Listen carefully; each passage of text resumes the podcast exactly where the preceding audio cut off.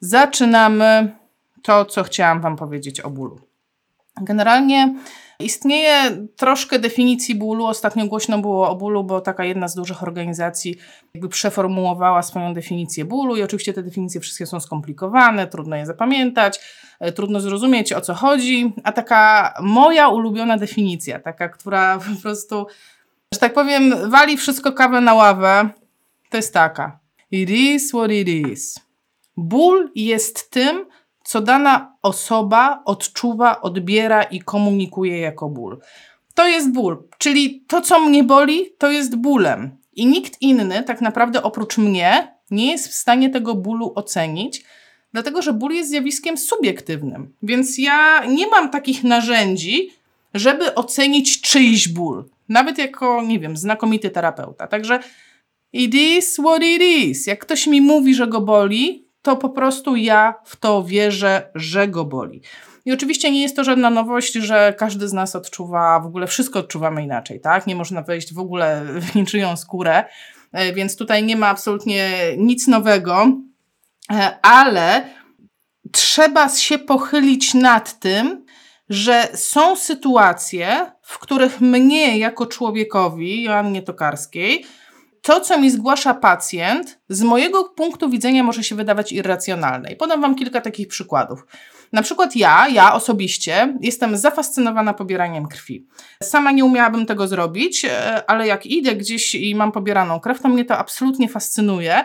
I ja mam wręcz takie wow, ależ ta pielęgniarka ma ach, takie dźgnięcie, ale fajnie to zrobiła. I na przykład mnie to kręci, i mnie to absolutnie nie boli. Ja nie mam takiego odczucia, że ja to czuję. Ja czuję, że ta igła przebija mi skórę. Ja czuję czasami nawet, że coś zaszczypie, tak? No bo jak gdzieś tam, nie wiem, przebiła się blisko e, jakiegoś zakończenia nerwowego, to ja to czuję. Ale nie mogę powiedzieć, że mnie to utożsamiała z jakimś bólem, tak? Dla mnie to absolutnie nie jest jakiś taki problem. Tak samo jak na przykład e, będą ludzie, którzy będą się, będą bardzo wrażliwi na ciepło, będą się bali poparzeń, będzie to dla nich niesłychanie bolesne. Zresztą mówi się, że takim z jednym z najgorszych bólów to jest ból z poparzenia. No ale przecież są ludzie, którzy dla swojego zadowolenia, dla swojej ekscytacji, dla swojej przyjemności, nie wiem, polewają się woskiem, tak? Albo biorą kąpiele tak gorące, że y, druga osoba nie byłaby w stanie wejść pod ten prysznic. Także jest to absolutnie subiektywnie. E, subiektywne. Zresztą niejednokrotnie do nas, do fizjoterapeutów czy do masażystów przychodzą pacjenci czy e, przychodzą klienci i proszą o masaż. Ten masaż ma być mocny. On ma dawać taki fest dolegliwości. On ma tak, dolegliwości, powiedziałam, dolegliwości, tak? Te odczucia mają być takie fest. Więc to, co chcę Wam powiedzieć, że tak naprawdę to, co czujemy, nie jest wprost zależne od tego, jak mocny jest bodziec. Czyli to, co dla jednej osoby będzie absolutnie przyjemnym, lekkim dotykiem, dla drugiej już może być za dużo. Więc nie można powiedzieć czegoś takiego, że jak mocno traumatyzuje tkanki, to tak mocno będę odczuwała ból. No bo nie wiem, jak im mocniej nacisnę, tym mocniej zaboli. Im mocniej przypiekę, tym mocniej e, zaboli. To tak niestety nie działa. I jest to na tyle ekstremalne, że tak powiem, e, zjawisko, że tak naprawdę można w ogóle nie mieć uszkodzonych tkanek, w ogóle nie mieć w jakiś sposób pobudzonych tkanek samych w sobie, a odczuwać ogromny ból. I takim, e, powiedziałabym, spektakularnym przykładem takiego zjawiska jest fibromialgia. Choroba, w której osoba bardzo cierpi, ma duże dolegliwości bólowe, ale tak naprawdę, jeżeli zbadać te części ciała, które ją bolą, to tam nie ma jakichś szczególnych zmian. Tam nie można powiedzieć, że ma degenerację tkanek, że tam się coś wydarzyło specjalnego. Nie, ona po prostu cierpi z jakiegoś powodu. A z drugiej strony, słuchajcie, może być całkowicie odwrotna sytuacja, czyli można mieć duże uszkodzenia tkanek, a nie czuć tego bólu. I na to też są liczne e, przykłady, jest dużo opisanych takich przykładów w literaturze. I to, co ja chciałam Wam opowiedzieć, to taki przykład nasz z życia wzięty. Powiedziałam, że jeszcze będę mówić o Marcinie. Marcin jest moim partnerem, tak? Żyjemy razem od wielu, wielu lat. I Marcin jest osobą poruszającą się na wózku, bo ma dystrofię, e, dystrofię mięśniową. I Marcin porusza się na wózku inwalidzkim, ale nie napędza go siłą rąk, a przynajmniej nie na dłuższych dystansach tylko korzysta z czegoś takiego jak przystawka elektryczna do wózka, czyli tak jakby motorek z przodu zamontowany i ten motorek go ciągnie. Któregoś pięknego dnia z synem e, szaleli na tym motorku, tak? Wyglądało to tak, że Marcin siedział na wózku, z przodu była podpięta ta, my to nazywamy ciągutka. E, z przodu była ciągutka, na kolanach siedział syn, wtedy dosyć mało, mo, mocno małoletni. Tak próbuję sobie umiejscowić, kiedy to było w czasie. To było jakieś ze 4 lata temu chyba. No i co się wydarzyło? Przy gwałtownym skręcie wózek nie utrzymał się w swoim polu jazdy, w swoim torze jazdy, tylko się wywrócili. Jak się wywrócili, to Marcin spadł na bark. E, dla tych osób, które nie wiedzą, jak wygląda dystrofia mięśniowa, to jest taka choroba, która polega na tym, że zanikają mięśnie. A dystrofia ta obrączowo-kończynowa polega na tym, że zanikają głównie te mięśnie obręcz, czyli Tutaj mięśni nie ma. Jego bark tak docelowo tak w ogóle nie jest chroniony. Po prostu tam jak, jak dotknąć, to tam są kości, kości, trochę skóry. E, no i w tej chwili śruby, e, śruby metalowe, ponieważ w momencie, w którym Marcin się wywrócił i rozbił się barkiem o beton, połamał sobie bark. Wiecie, to wyglądało tak na prześwietleniu, że e, ta kość, trzon kości po prostu tak się rozwarstwił. Lekarz powiedział, chyba nazwał to takie złamanie jak tulipan, a głowa była sobie tutaj gdzieś osobno. I e, dzisiaj po prostu przygotowując się do tego live, ja się go zapytałam, słuchaj, a co ty w ogóle czułeś, jak ty się wywróciłeś? Tak jakoś, powiem wam, nigdy nie zadałam mu tego pytania. Dopiero dzisiaj szykując się, przyszło mi to do głowy, że może to będzie istotna informacja. I pytam się, czy ty czułeś ból? I on mówi, nie, ja nie czułem bólu. Mówię, jak to nie czułeś bólu? No, wywróciłem się i sytuacja była taka, że wywróciłem się z synem na kolanach, więc ostatkiem sił spróbowałem go wyrzucić, żeby on się nie rozbił. Kiedy leżeliśmy, czułem, że jestem poturbowany i też informacja dla tych osób, które nie wiedzą, jak wygląda dystrofia, to jest taka sytuacja, że nie masz siły nawet, żeby podnieść własną rękę, więc on e, przewracając się, nie dość, że się połamał, to jeszcze się zaplątał sam w siebie, więc on nie był w stanie się sam wyplątać. Nie, pomimo tego, że nie wiem, jedna ręka była na wierzchu, ktoś musiał go wyplątać. I wiedział, że ma syna, który jest w szoku, bo syn w tym momencie zaczął krzyczeć: Zabiłem tatę, zabiłem tatę. Więc e, z tego, co opowiada Marcin, to 100% jego koncentracji w tym momencie poszło na to, po pierwsze, żeby syn nie dostał szoku, żeby nie uciekł, żeby wstał i go wyplątał i żeby pobiegł po pomoc, bo on potrzebował pomocy. Mówi, że tak naprawdę w ogóle nie czuł bólu, znaczy czuł, że się wywrócił, czuł się taki odrętwiały, czuł, że być może coś jest nie tak, ale bólu nie czuł. I on tego bólu nie czuł. Słuchajcie, ja tam przyjechałam, nie wiem, po 20 minutach ja tam dotarłam i zaczęłam zabezpieczać e, miejsce wypadku. To nie była osoba, która leży, cierpi i się zwija z bólu. I wtedy jeszcze, no ja już podejrzewałam, że jest złamany, złamany bark, bo e, bardzo charakterystycznie chrzęścił pod ręką pod, przy próbie wykonania ruchu. I tak podejrzewałam, że jest złamanie, ale tak naprawdę te bóle jakieś takie konkretne pojawiły się dopiero w szpitalu, kiedy była diagnoza. I dlaczego Wam to odpowiadam? Dlatego, że to jest tak jakby poświadczenie naoczne tego, o czym ja Wam mówię. To, o czym ja Wam mówię, jest poparte badaniami naukowymi, zebranymi materiałami, ale to jest również poparte naszą taką praktyką domową.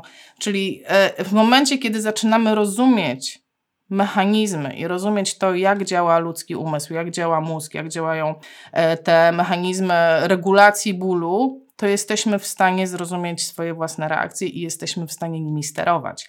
I jak jesteśmy w stanie sterować własnymi reakcjami, to potem też możemy nauczyć pacjentów robienia tego samego. Więc jeżeli mi nie wierzycie, bo to jest tylko moja historia, to bardzo, bardzo Wam polecam taki film. On jest na YouTubie, teraz widzicie go na ekranie. To jest film, e, to jest wystąpienie z TEDxu Lorimera Mozleya. E, why things hurt, czyli dlaczego, dlaczego boli, tak mówiąc e, e, oględnie. Ja Wam tutaj wkleiłam też link, oczywiście on nie jest klikalny, także albo trzeba sobie go wygooglować, albo trzeba sobie przepisać ten link po prostu.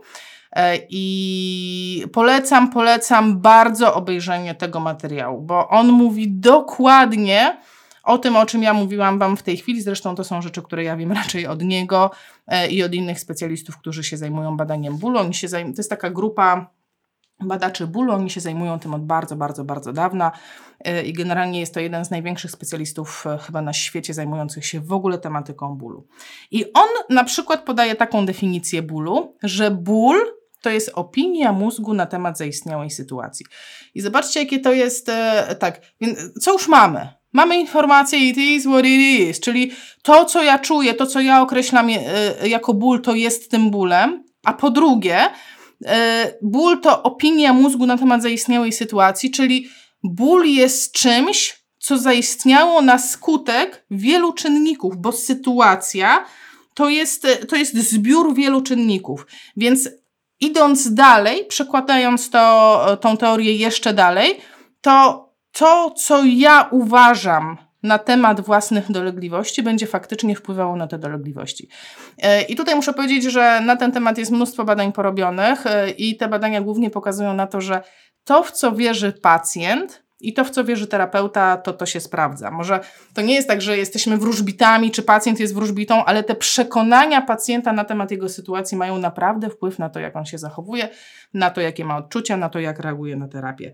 E, więc to, czego oczekuje, to jak ocenia sytuację, w której się znalazł, to jak mm, ocenia, jakie ma szanse na wyjście z tego bólu, ma ogromne znaczenie. Są badania, w których E, pytano pacjentów, co uważają, jak długo potrwa ich ból. I okazało się, że ci, co uważają, że nie dłużej niż pół roku, to u nich faktycznie nie trwał dłużej niż pół roku. Także to ma ogromną, ogromną, ogromną moc. No i w tym momencie wszystkie osoby, które nie miały bloków e, poświęconych teorii bólu, pewnie mają w głowie takie pytanie, okej, okay, dobra Aśka, no ale jak ma się do tego wszystkiego ta cała teoria, której mnie uczono na studiach, zresztą mnie też, o tym, że mamy przecież e, zakończenia bólowe, mamy włókna bólowe, mamy włókna różnego rodzaju bólowe, mamy całą tą teorię bramek kontrolnych, które wpływają na te, na te włókna bólowe, no to o, o co chodzi, tak? No a ty nam teraz mówisz, że it is what it is, a w ogóle no to co mój mózg sądzi, to, to jest ten ból. Słuchajcie, to jest tak, że oczywiście te zakończenia bólowe istnieją, e, istnieją drogi wstępujące, przewodzące ból, jak najbardziej. No ale co robi taka droga? Przecież ta droga nie ma ani własnej inteligencji. Droga to droga, czyli impuls do góry przez rdzeń kręgowy do góry do mózgu. Czyli droga nerwowa i receptory bólowe dostarczają tylko i wyłącznie informacji hello, tu u mnie, w tym obszarze, za który ja odpowiadam, coś się wydarzyło.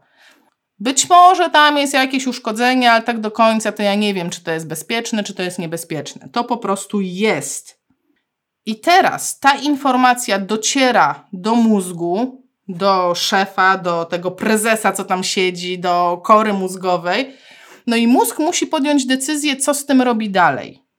Czyli mózg musi to w jakiś sposób zinterpretować tak? Bo przecież my tych bodźców dostajemy ciągle mnóstwo. Cały czas jesteśmy bodźcowani. Opieram się o stół, mam bodźce. Sam fakt, że siedzę na krześle, to są bodźce. I mój mózg musi zdecydować, co jest ważne i na który bodziec będę generował ból, a na który nie będę generował bólu. No i teraz jak to się dzieje? No, mózg ma do dyspozycji całą, że tak powiem, artylerię wiedzy, e, ma do dyspozycji wspomnienia, poprzednie doświadczenia, czyli po pierwsze to odpowiada sobie na pytanie, hmm, czy ja już byłem w tej sytuacji? Czy to już wcześniej mnie spotkało? Czy ja mam jakieś doświadczenia związane z tym, co się dzieje tu i teraz? No tak się mówi, że zawsze boimy się bardziej tego, co jest nowe. I rzeczywiście zobaczcie, że osoby, e, na przykład ci, którzy tam, nie wiem, skręcili kostkę wielokrotnie, no to już to skręcenie dwudzieste prawdopodobnie nie wygląda tak samo dramatycznie, jak wyglądało pierwsze, tak? Bo już wie, co robić, bo już zna tą sytuację, już nawet nie jest takie bolesne, tak? Zresztą o tym też będę opowiadać tym razem na swoim przykładzie. Więc e, mamy te takie doświadczenia, mamy to, co mózg wie na temat tej sytuacji, mamy kontekst, w którym jesteśmy tu i teraz. Czy ogólnie to jest bezpiecznie, czy ogólnie to ja jestem zagrożony? Gdzie ja jestem? Co to jest za sytuacja? Kto jest wokół? Czy mogę, czy mogę mieć udzieloną pomoc? Czy jestem zdany sam na siebie? E, jak to wygląda tu i teraz? Taka ocena sytuacji na bieżąco.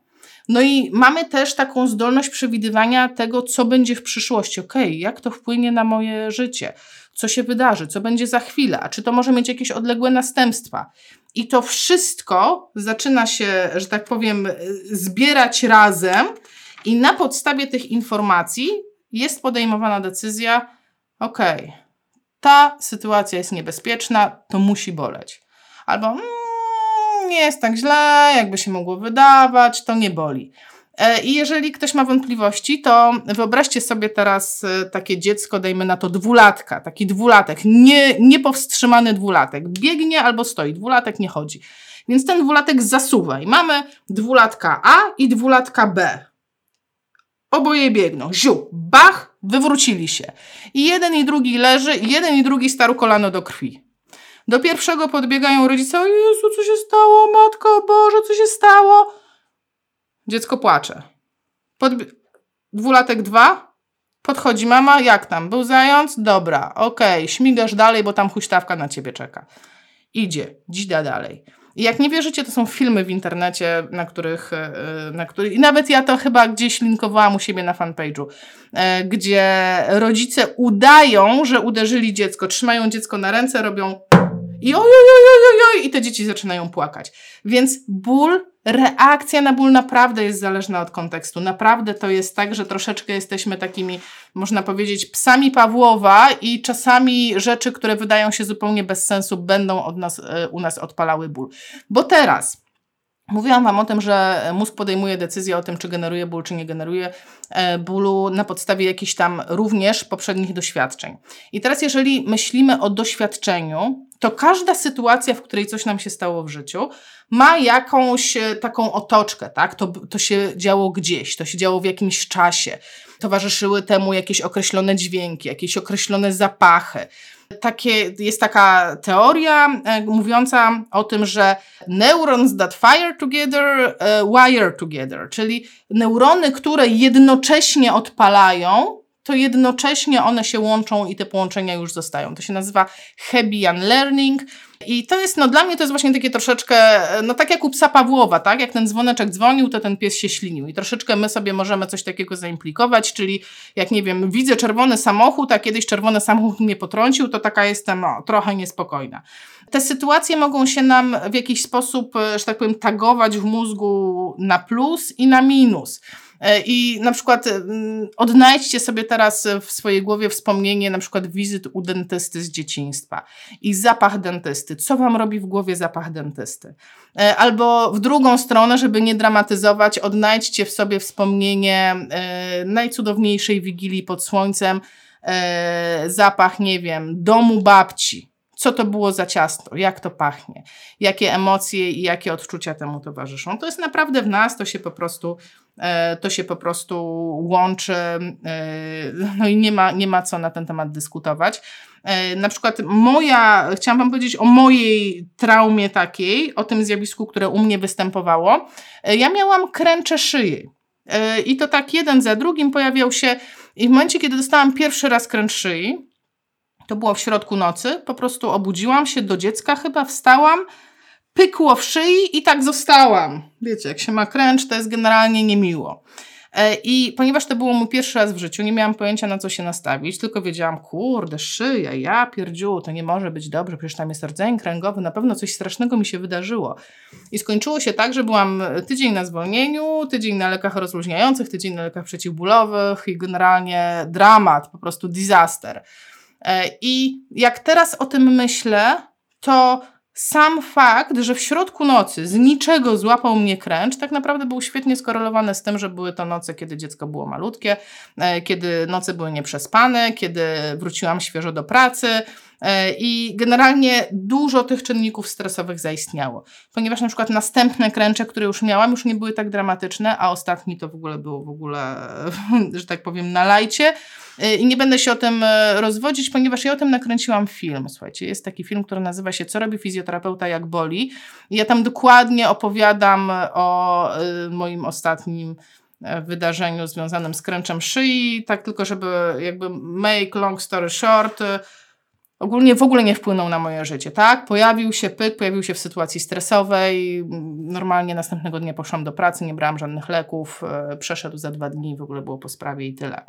Więc to, co chcę Wam powiedzieć, że w momencie, kiedy doświadczamy bólu, albo w momencie, kiedy doświadczamy jakiejś traumy i jest to tak naprawdę wszystko jedno, czy to jest trauma fizyczna, że nam się coś stało fizycznie, czy to jest trauma psychiczna, czy to jest stresowa sytuacja, czy to jest po prostu przeładowanie jakichś e, rzeczy, które się wydarzyły w życiu, to w momencie tej traumy tak naprawdę zapala się w naszym mózgu bardzo dużo różnych światełek, tak jakby nas włożyć w taki e, rezonans funkcjonalny, który by wykrywał, gdzie my się świecimy, to w czasie bólu to my się świecimy w bardzo wielu miejscach. Czyli nie ma czegoś takiego jak jeden ośrodek bólu, tak, że mamy jakieś miejsce magiczne w mózgu, które odpowiada za to, że boli. E, mamy całą mapę po prostu jak świecące miasto. W związku z tym to jest troszkę tak, to jest właśnie ta, e, ja, ja, to tak przynajmniej sobie wyobrażam, tak? Teraz mówię Wam, jak ja to rozumuję, że jak mamy dużo odpalających się światełek, czyli dużo e, informacji odpala się w mózgu i ten mózg podejmuje decyzję w tym momencie, to w zależności od tego, co mu się odpaliło, to on podejmuje decyzję, czy ma boleć, czy nie, a jeśli ma boleć, to jak mocno powinno boleć. I e, teraz jest taki hit, można powiedzieć, no bo trzeba sobie zadać pytanie, co to są za światełka, tak? Co ta tokarska ma na myśli, co tam im się świeci. No bo mówiąc, że jakieś struktury mózgu zaczynają pracować w odpowiedzi na ból, no to wyobrażamy sobie, że te struktury mózgu to na pewno jest tkanka nerwowa, tak? Czyli, że to jest, e, że to są komórki nerwowe, no bo z tego w końcu się składa mózg, tak? Mózg się składa z komórek nerwowych. Tylko, że ząg jest taki, ja Wam tutaj pokażę, też wrzucę Wam, o, to zdjęcie. E, ząg jest taki, to co teraz widzicie, to jest wycinek tkanki mózgowej. E, I e, tak, żeby było ciekawie, to na niebiesko są zaznaczone neurony. A wszystko inne, czyli i zielone, i czerwone, i czarne, to wszystko jest inna że tak powiem, materia. To są inne i komórki, i przestrzeń międzykomórkowa.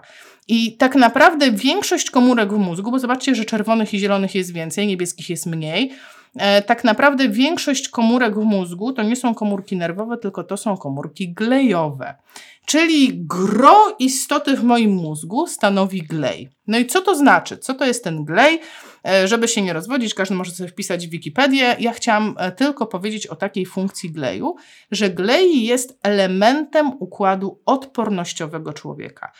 Glej uczestniczy w reakcjach odpornościowych. W związku z tym glej jest właśnie tą, e, tą materią, tą tkanką, która sobie w cudzysłowie zapamiętuje, a ty to mi zrobiłeś krzywdę 10 lat temu, to teraz ja się będę chronił przed tobą. Teraz to ja spowoduję tak, że my się nawet do ciebie nie zbliżymy. To potrafi zrobić glej. E, są takie komórki, one się nazywają Zapomniałam, jak się nazywają. To jest e, komórki grozy, ja je nazywam. Takie opisałam na Danger Cells, chyba, chyba Danger Cells się nazywają. E, to są komórki, które zapamiętują niebezpieczeństwo. I jak sobie myślicie, no dobra, no dobra, ciekawe jak ten glej może zapamiętać, na ile taki układ odpornościowy zapamiętuje e, niebezpieczeństwo, to pomyślcie sobie, na ile starcza szczepionka. Jak nas zaszczepią, to zobaczcie, na ile lat my jesteśmy zaszczepieni. Nasz układ odpornościowy pamięta. I dokładnie tak samo jest z traumami, dokładnie tak samo jest z interpretacją tego, co się dzieje z naszym ciałem, i dokładnie takie sam będzie to miało wpływ później na to, ile bólu wyprodukuje mój mózg. Glej po prostu tam naprawdę daje, daje czadu, można tak powiedzieć, że glej będzie miał rzeczywiście wpływ na to, jaką mamy odpowiedź bólową. I teraz, kiedy ten glej się aktywuje? Kiedy ten glej uznaje, że hmm, dobra, no to teraz damy czadu, to nie pośpi sobie. Dzisiaj Dzisiaj odpalamy ból barku na przykład, tak? No bo transwersyjne mamy tak naprawdę takich bóli idiopatycznych, nie wiadomo skąd, jakichś takich bóli, które w ogóle nie wiążą się zupełnie z niczym. E, glej odpala w stresie. Glej odpala w momencie, kiedy był jakiś uraz, i tak jak mówię, niekoniecznie uraz e, fizyczny, może być też uraz e, psychiczny. Glej odpala w czasie niebezpieczeństwa, no i w czasie infekcji. Także w tych momentach tak naprawdę jesteśmy bardziej narażeni na to, że wystąpią nam dolegliwości bólowe. I generalnie wszystko jest super, bo ten mechanizm nas chroni, tak? On jest po to w ogóle skonstruowany, żebyśmy tam, nie wiem, jak zobaczymy raz w życiu pająka, to żebyśmy już nigdy w życiu na tego pająka nie wleźli, bo być może ten pająk to jest w ogóle tak niebezpieczny, że nam e, tam, nie wiem, jesteśmy w stanie umrzeć od niego.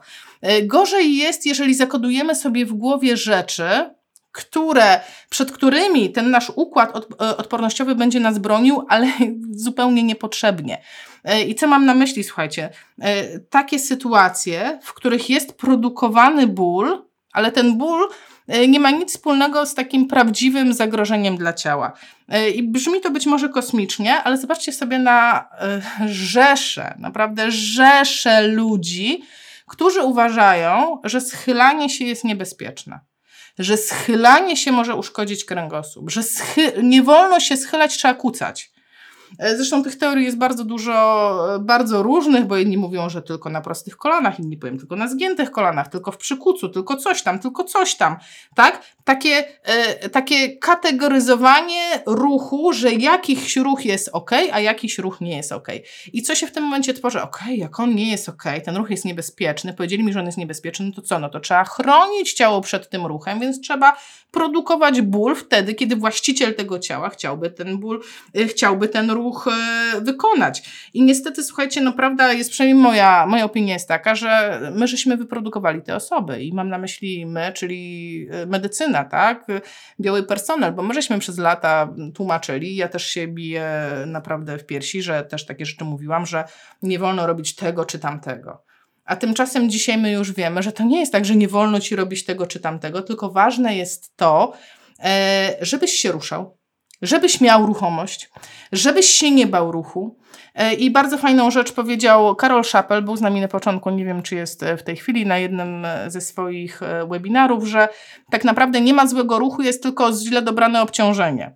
Czyli i mi się to super podoba, bo e, zobaczcie, jako fizjoterapeuci, jak często grzęźniemy, czy grzęźliśmy w takie teorie, że o, nie wolno się schylać, czyli nawet po papierek musisz kucnąć. A Gucio, no po papierek to jest obciążenie żadne. Ty powinieneś bez problemu podnieść papierek w każdej płaszczyźnie, w każdym kierunku i w każdym stylu, jaki ci się spodoba. Problem jest, e, pojawia się wtedy, e, problem, nie wiem, nazwijmy to ergonomii ruchu czy jakości ruchu, jak zwiększamy obciążenie. Nie będę tego tematu rozwijać e, bardziej, po prostu obejrzyjcie wywiad z Karolem na YouTubie. To nie jest u mnie na kanale, także trzeba odszukać po, po nazwisku Karola bo bardzo, bardzo, bardzo fajny wywiad. I dalej, podążając tym tokiem myślenia, że myśmy ich wyprodukowali, pomyślcie o wszystkich pacjentach, E, czy o wszystkich ludziach, którym ktoś kiedyś powiedział: O kurde, ale zniszczony kręgosłup, zwyrodnienia jak ta lala. Co oznacza, że mam zniszczony kręgosłup? Co oznacza, że mam zwyrodnienia? To znaczy, że on zaraz się rozpadnie i zaraz przestanie działać, czyli co muszę robić? Oszczędzać go no, normalne rozumowanie, tak? My przekładamy sobie, znaczy my przekładamy, no ogólnie ludzie przekładają sobie e, to, czego nie rozumieją, na schematy, które znają. Więc jeżeli mam e, w silniku zniszczone turbiny, czy zmierz, zniszczone jakieś zębatki, no to albo je wymieniam, albo zaczynam rozsądniej używać swojego silnika, czyli jeździć wolniej, jeździć mniej, oszczędzać E, a ciało ludzkie działa zgoła inaczej, tak? Wiemy o tym, że ciało ludzkie potrzebuje ruchu, więc jak zaczynam je oszczędzać, to działam tak naprawdę przeciwko sobie. E, I też jest taka prawda, że zniszczone tkanki, zwyrodnienia mamy wszyscy. Absolutnie wszyscy.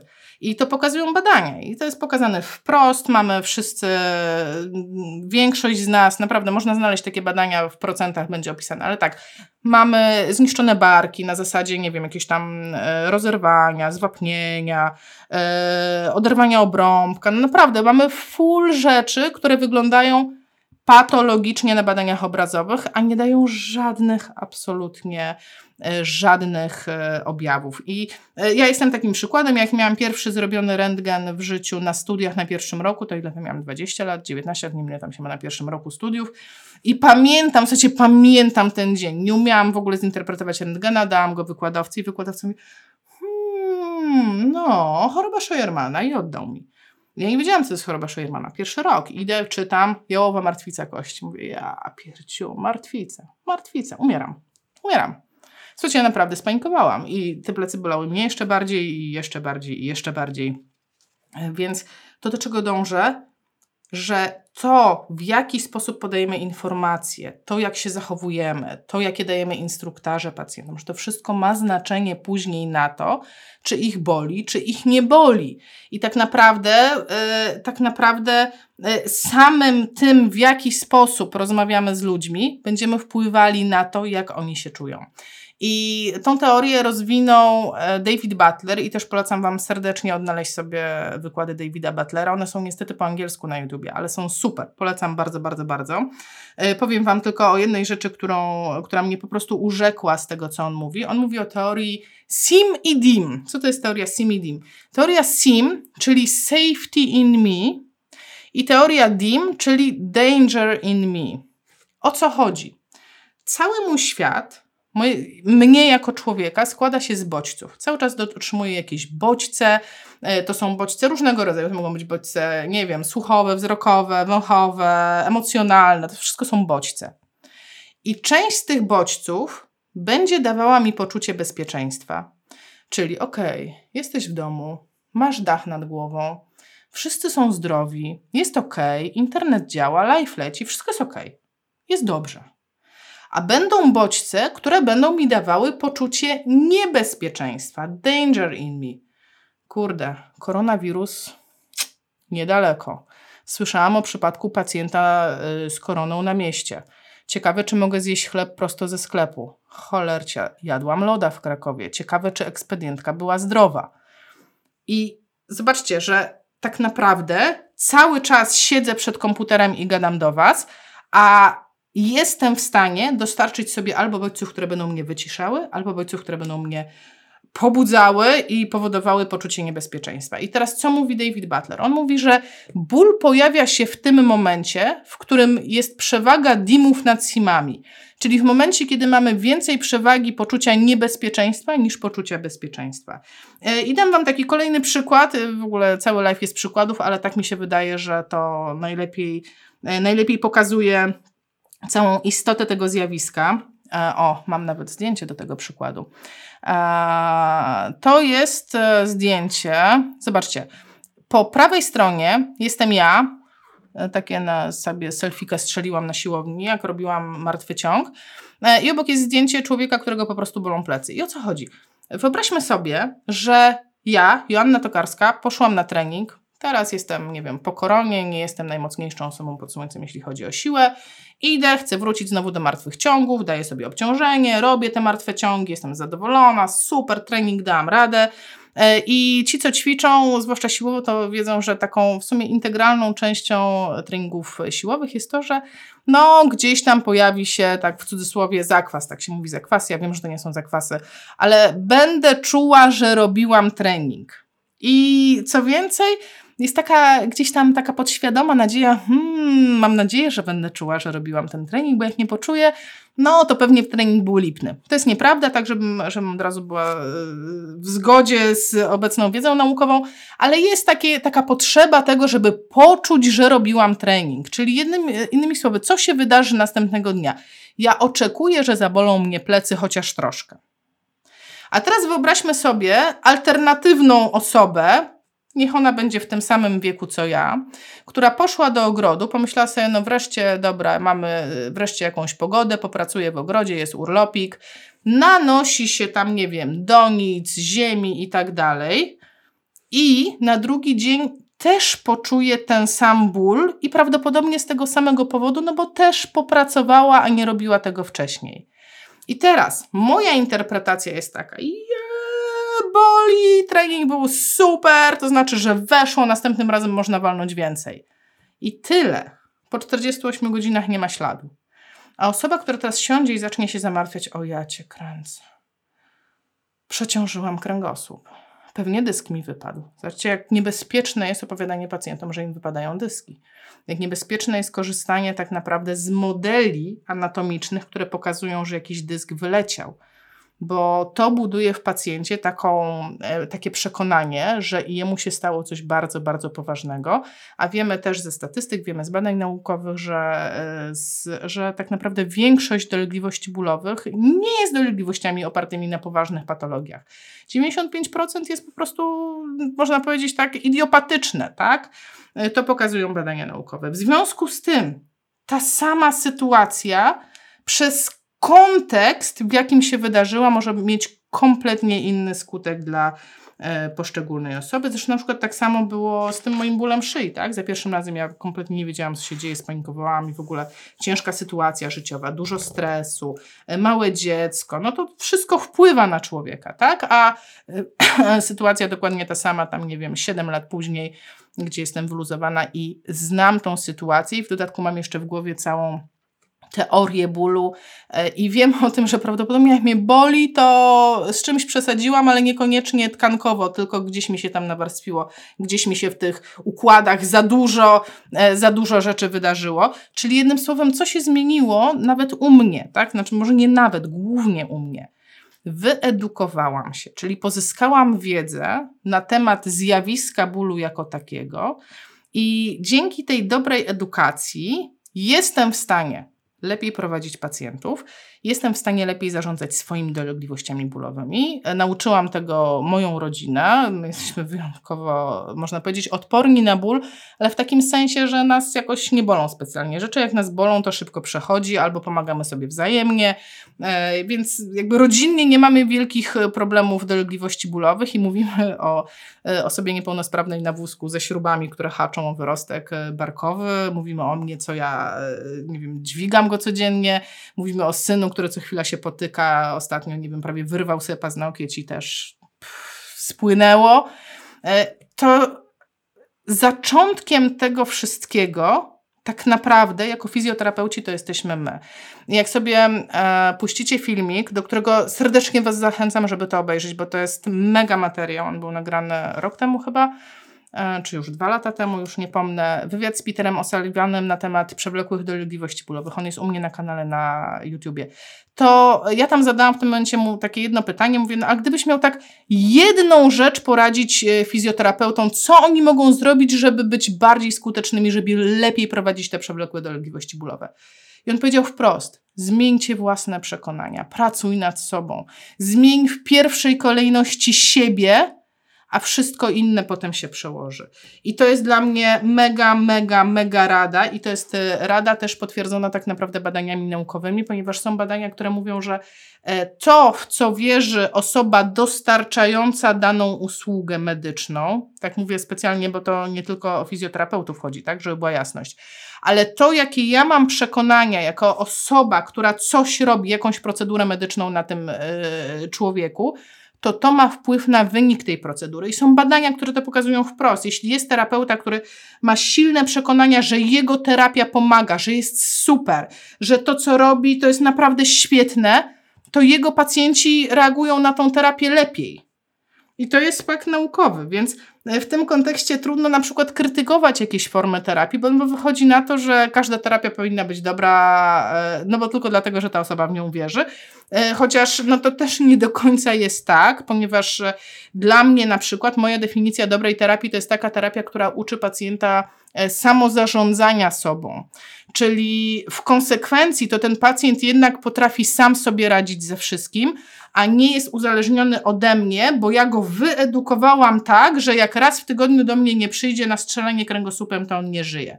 Tak, więc y, to jest narzędzie, które można wykorzystywać i fajnie jest silnie wierzyć w to, co się robi. Na przykład silnie wierzę w to, co się robi, ale ta silna wiara może być przekierowana pozytywnie dla pacjenta, nie dość, że cię wyleczę, to jeszcze ci pokażę, co zrobić, żebyś do mnie nie wracał. A może być przekierowana w takie uzależnienie, w patologię. Beze mnie to sobie stale nie dasz rady.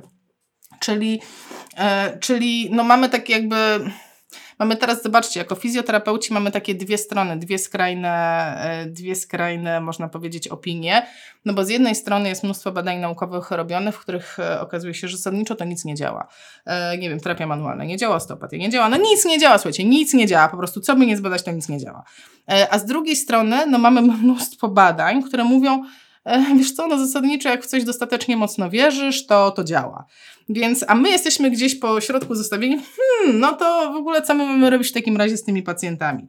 E, ja e, i oczywiście nie dam wam takiego idealnego rozwiązania, ale są pewne rzeczy, które wiemy na 100%, że działają i w dodatku mamy je w naszych zasobach, nawet będąc świeżutko po studiach, nawet będąc, nie wiem, po trzech latach z licencjatu, Wiemy, że ruch działa. Słuchajcie, to wiemy na pewno, że ruch działa, ruch jako ruch, ruch jako taki. I e, trudno już o takie badania, że nie wiem, ta forma ruchu jest lepsza niż tamta forma ruchu, tak? Można się w to bawić, ale ogólnie to, co wiemy, to, że ruch działa. I ogólnie to, co wiemy, e, to to, że e, oczekiwania i przekonania pacjenta mają znaczenie w tym wszystkim. Więc tak naprawdę, czy jestem ultra doświadczoną terapeutką z 50 kursami skończonymi, czy jestem dopiero początkująca, to tak de facto to podstawowe narzędzia pracy fizjoterapeuty to ja mam bo ja to wszystko powinnam wynieść ze studiów, a potem tylko rozwijam sobie to, e, rozwijam sobie te detale i ukierunkowuję się, dobra, to kim ja chcę być, co ja chcę, robić, co, co ja chcę robić. E, I tak naprawdę e, z tą, z tą informacją tak naprawdę chciałam Was zostawić. Chciałam, wam, chciałam Was zostawić właśnie w takim momencie z takim przekonaniem, że pomimo tego, że na wiele rzeczy nie mamy wpływu tak, jak nam się wydawało, że to jest, nie wiem, przesuwanie kosteczki o kosteczki. Pomimo tego, że nie da się udowodnić, że e, jak przesunę kosteczkę bardziej w lewo, to działa lepiej niż ją przesunę bardziej w prawo, to mamy narzędzia i możemy stosować to, co lubimy i to, w co wierzymy, właśnie na tej zasadzie, na zasadzie ruchu i na zasadzie zmiany własnych przekonań i podążania zgodnie e, z evidence-based medicine dotyczącą bólu, tak, dotyczącą tych mechanizmów bólu. Bo zobaczcie, że jak to w...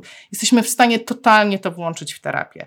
E, I to jest taka, taka baza, baza, podstawa terapii bólu. I właśnie o tym, jak to robić, jak to rozwinąć, jak to włączyć w terapię, jak głębiej wejść w temat, będę mówiła w przyszłą środę. Także jeżeli ktoś się wkręcił w to, co mówiłam, jeżeli podobało Wam się to, jeżeli to były w pewnym sensie jakieś nowe rzeczy, albo kiedy czujecie niedosyt, to zapraszam Was na ten środowy webinar. Już wiecie, czego możecie się tam spodziewać, jakiego rodzaju to będzie wiedza. To będzie rozwinięcie tego, co y, mówiłam przez ostatnie, ile, no prawie 50 minut.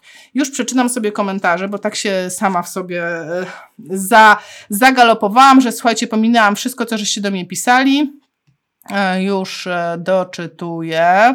O, mm, Marta pisze, że na CMUMK mamy również przedmiot związany z terapią bólu. Super, bardzo wysoko oceniony. Prowadząca Ania Pyszora. No to nic dziwnego, że jest wysoko oceniany. Z Anią Pyszorą jest zapisany wywiad na YouTubie, gdyby ktoś był zainteresowany. Znakomity wywiad o terapii paliatywnej. O, nówki, ale nowych osób. Super. Jestem tu, odkąd grupa istnieje regularnie. Martyna, super.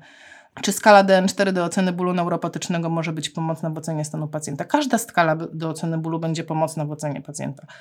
E, to ja Wam nie mówię, żebyśmy rezygnowali z tego, co robimy. Róbmy to, co robimy. Dodajmy sobie to, co powiedziałam teraz, bo tak naprawdę to y, nie zmienia w znaczący sposób, nie wiem, na przykład formy terapii, tak? To może zmienić formę terapii na zasadzie e, będę czuła mniej wyrzutów sumienia, że jednak zrobię solidniejszy wywiad z tym pacjentem. Na moim blogu znajdziecie do pobrania na przykład cały kwestionariusz, gdzie możecie, gdzie ja zapisałam pytania, o które można rozwinąć swój własny wywiad, właśnie w kontekście e, właśnie w kontekście bólu. Jak dla mnie ból, a potrzeba docisku, mocny masaż, krok gorset to dwie różne kwestie. No tak, no e, tak, dla ciebie tak, bo właśnie dla każdej osoby to jest inaczej, dokładnie tak. Mm, bardzo ciekawe info, dziękuję. Już czytam, czytam. Fizjologia bólu pokrótce, sama teoria na pierwszym roku. No to fajnie, to i tak więcej niż ja miałam. Chyba sprawdzę w indeksie, ile mieliście tego bólu. Fajnie, bo ja nie miałam w ogóle. Ja jedyne co miałam to teorię bramek kontrolnych na e, fizyko e, i na fizjologii to, że są włókna i że są włókna A i C e, i że jedne są szybkie, drugie są wolne. Dzięki za wiedzę inną niż zawsze. Tak, bo ja dużo mówię o neurologii, a mało się przyznaję do tego, że ból mnie fascynuje i że tak powiem, neurologia jest sposobem na życie, a ból jest, powiedziałabym, hobby. Kochani, bardzo Wam dziękuję. Mnóstwo osób widzę było. Eee, widzimy się za tydzień, a mam nadzieję, że się zobaczymy na webinarze. Eee, linka do niego macie u mnie w głównym profilowym foto zapisanego, także e, bardzo łatwo jest to odnaleźć, bo ja już wrzucałam informacje. Na grupie będę wrzucać informacje o tym webinarze, także zapraszam Was serdecznie. No i co? Miłego tygodnia. Do zobaczenia.